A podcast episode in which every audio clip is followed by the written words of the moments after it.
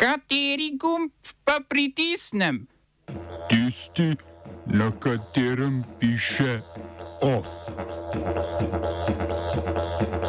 Ameriška vojska vzpostavila prvo stalno oporišče na Polskem. Kitajska bo pristanišče razvijala tudi v prestolnici Salomonovih otokov. Gibanje Svoboda novelo zakona o službi v slovenski vojski skozi parlament spravilo z glasovi Nove Slovenije. Vlada za večje financiranje projektov vojaškega opremljanja. V kulturnih novicah o spomeniku izbrisanim v parku izbrisanih.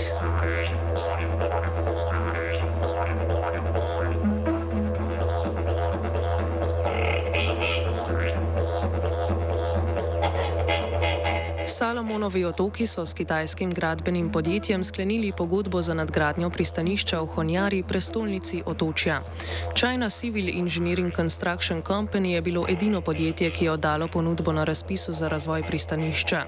Projekt razvoja komercialnega pristanišča bo s posojilom financirala Azijska razvojna banka, ki bo za celoten projekt razvoja pristanišča namenila več kot 150 milijonov evrov.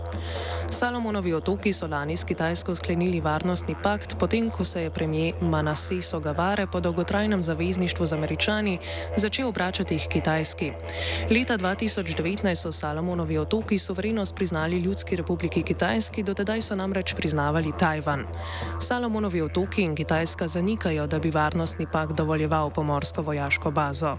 Ta teden se na pacifiškem otočju, ki leži severovzhodno od Avstralije, mudita diplomatski delegaciji tako Združenih držav Amerike kot Kitajske.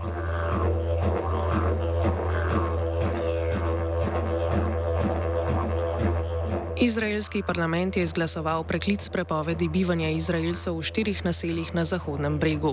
Da bo preklic stopil v veljavo, ga mora potrditi še izraelski vojaški poveljnik. Štiri naselbine na Zahodnem bregu so bile evakuirane leta 2005, potem ko je izraelsko vrhovno sodišče odločilo, da so bila naselja zgrajena na zasebni palestinski zemlji in zato nelegalna.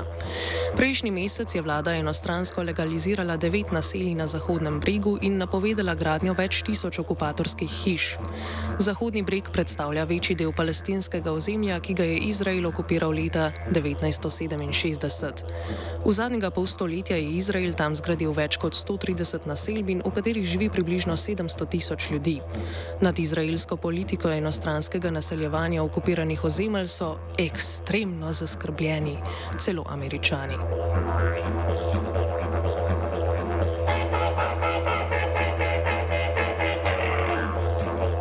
Ameriška vojska je ustanovila prvo stalno oporišče na Polskem. Gre za izpolnitev lanske napovedi predsednika Joea Bidna, da bo zaradi ruske invazije v Ukrajini NATO vzpostavil trajno vojaško bazo v vzhodnji Evropi. Po začetku vojne so Združene države Amerike na Polskem namestile več tisoč vojakov, tako jih je na tam trenutno prek 10 tisoč. Poljska bo v oporišče namestila približno 7 tisoč vojakov. Gre za osmo stalno oporišče ameriške vojske v Evropski uniji, ostala so v Nemčiji, Italiji in Belgiji.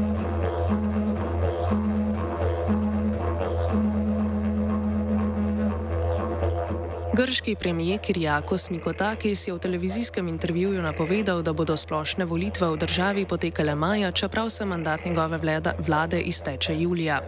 Predvolilne ankete kljub železniški nesreči pri Larisi, množičnim potresom in vladni prisluškovalni aferi najbolje kažejo premijevi desni stranki Nova demokracija.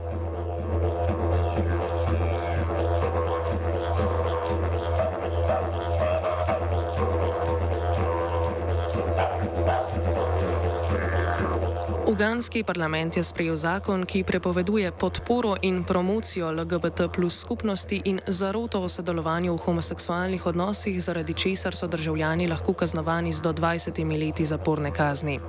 V isti sapi je uganski parlament sprejel tudi zakonsko odločbo o zaostreni homoseksualnosti, ki meša homoseksualnost in pedofilijo. Dejanja, ki jih serijski storilec stori brez soglasja ali pod prisilo proti otrokom ali osebam z duševnimi motnjami, bodo v v Ugandi odslej kaznovali z usmrtitvijo. Uganda je sicer že leta 2009 sprejela zakon, ki prepoveduje homoseksualne odnose. Za nje je bila predpisana smrtna kazen. Novela zakona iz leta 2014 je kazen spremenila v dosmrtno ječo.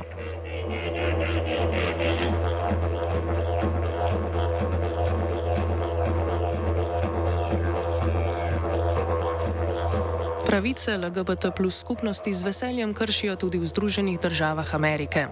V Arkansasu je guvernerka Sarah Huckabee Sanders podpisala zakon, ki transpolnim osebam prepoveduje izbiro stranišč in slečilnic skladnih z njihovo spolno identiteto. Tako bodo šole v Arkansasu morale zgraditi nova stranišča in slečilnice, ki bodo namenjene zgolj transpolnim osebam. Zakon velja za javne osnovne šole do 12. razreda. Če šole tega ne bodo storile, jih država država lahko oglobi v višini približno 1000 evrov, tožijo pa jih lahko tudi starši otrok. Smo se osamosvojili, nismo se pa osvobodili. Naslednje število je še 500 projektov. Izpiljene modele, kako so se strani nekdanje LDS rotirali. Ko to dvoje zmešamo v pravilno zmes, dobimo zgodbo o uspehu. Takemu političnemu razvoju se reče udar. Jaz to vem, da je nezakonito, ampak kaj nam pa ostane? Brutalni obračun s politično korupcijo. To je Slovenija, tukaj je naša zemlja, to je Slovenija, Slovenija, Slovenija. Poslanci so v državnem zboru potrdili novelo zakona o službi v slovenski vojski, ki uvaja znižanje izobrazbenih pogojev za zaposlitev v vojski. Po noveli se bodo lahko v vojski zaposlili tudi tisti s končano osnovno šolo pod pogojem, da bodo srednjo šolo dokončali na delovnem mestu. Novelo zakona so potrdili z 49 glasovi Gibanja Svoboda, Nove Slovenije, dveh glasov Slovenske demokratske stranke in obeh poslancev narodnih skupnosti. Proti so glasovali v levici, poslanci socialnih demokratov in večina poslancev SDS se je glasovanja vzdržala. Zakaj so bili socialdemokrati vzdržani, je pojasnil poslanec Damjan Zrim. V okviru predloga zakona je izpostavljeno, da vojska potrebuje predvsem tehnični kader, kar po svoji naravi in definiciji zajema ravno tisti del populacije, ki ga je dokončal srednjo poklicno šolo. Kompetence, ki so predvidevane za nosilce poklice izobrazbe, pa so zajete tudi v upisu formacijskih dožnosti pripadnic in pripadnikov slovenske vojske. Tehnična narava kadrovskih potreb v slovenski vojski je torej že v vstopni fazi prisotna. Zato kadrovskega primankljaja omenjenih profilov s tem zakonom neposredno zagotovo ne moremo nasloviti. Med naše pomisleke o izvedljivosti zakona sodijo tisti, ki so vezani v zakonu na predviden način za vključevanje kandidatov v izobraževalni sistem. Ni jasno, v kateri segment izobraževalnih institucij bodo kandidati vključeni. Ali bodo to javni sistemi izobraževanja ali pa kot ponovadi zasebni uh, srednješolski programi izobraževanja. Zato tudi ne moramo oceniti, če so pogoji za pridobitev srednješolske izobrazbe za kandidate primerne. Prav tako ne moremo oceniti pripravljenosti izobraževalnih ustanov za sprejetje takih kandidatov. Ministr za obrambo nima pristojnosti zapovedovati takšnega podpisa pogodbe. Pri pripravi zakona pa predlagatelj ni bil v stiku z izobraževalnimi ustanovami, da bi pri njih poizvedel pripravljenost za sodelovanje. Glede na abstinenco, kakršne koli obrazložitve o postopku vključevanja kandidatov v izobraževalne programe, z izjemo trditve, da, kandidat, da se kandidati bodo vključili v nekakšen srednješolski izobraževalni program, nimamo jasnega dokaza o izvedljivosti pogoja za pridobitev srednješolske izobrazbe. Skrbijo nas tudi plačna nesorazmerja, ki jih uvaja ta predlog. Kandidat za osnovno šolsko izobrazbo ne more biti isto plačan kot pripadnik slovenske vojske, ki je že pridobil srednješolsko izobrazbo. Ta zakon pa postavlja posameznike z različno stopnjo izobrazbe v enak položaj, kar je v nasprotju s 13. členom ustave in postaja predlog zakona v resno tveganje za ustavno presojo.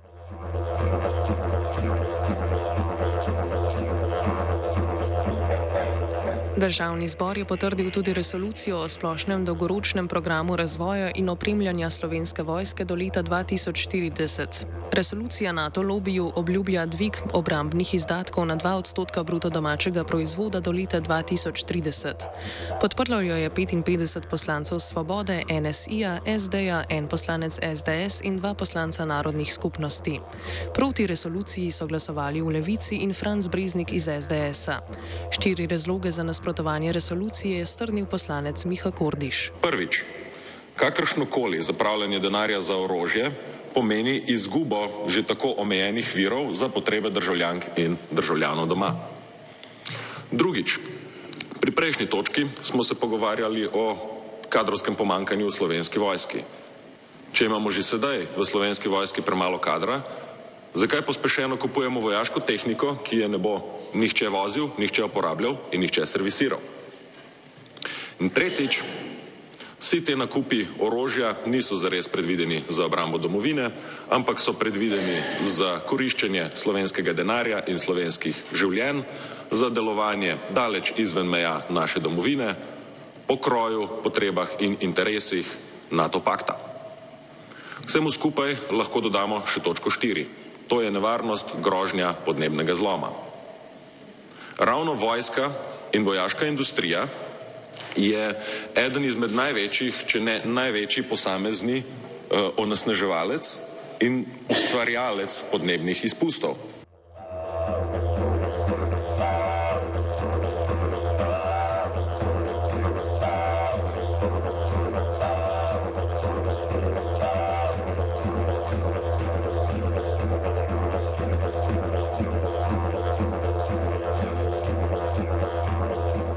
Sprejeta je bila tudi novela zakona o davčnem podrejevanju računov, ki znova uvaja obveznost izročanja računa kupcu za prejeto storitev. Z novela zakona o davku na dodano vrednost je bila lani januarja ta obveznost ukinjena. Prav tako so poslanci sprejeli novelo zakona o znanstveno-raziskovalni in inovacijski dejavnosti. Novela vzpostavlja enotno agencijo za znanstveno-raziskovalno in inovacijsko dejavnost imenovano ARIS. Vlada bo agencijo vzpostavila z združitvijo agencije Spirit, ki je namenjena spodbujanju podjetništva in javne agencije za raziskovalno dejavnost.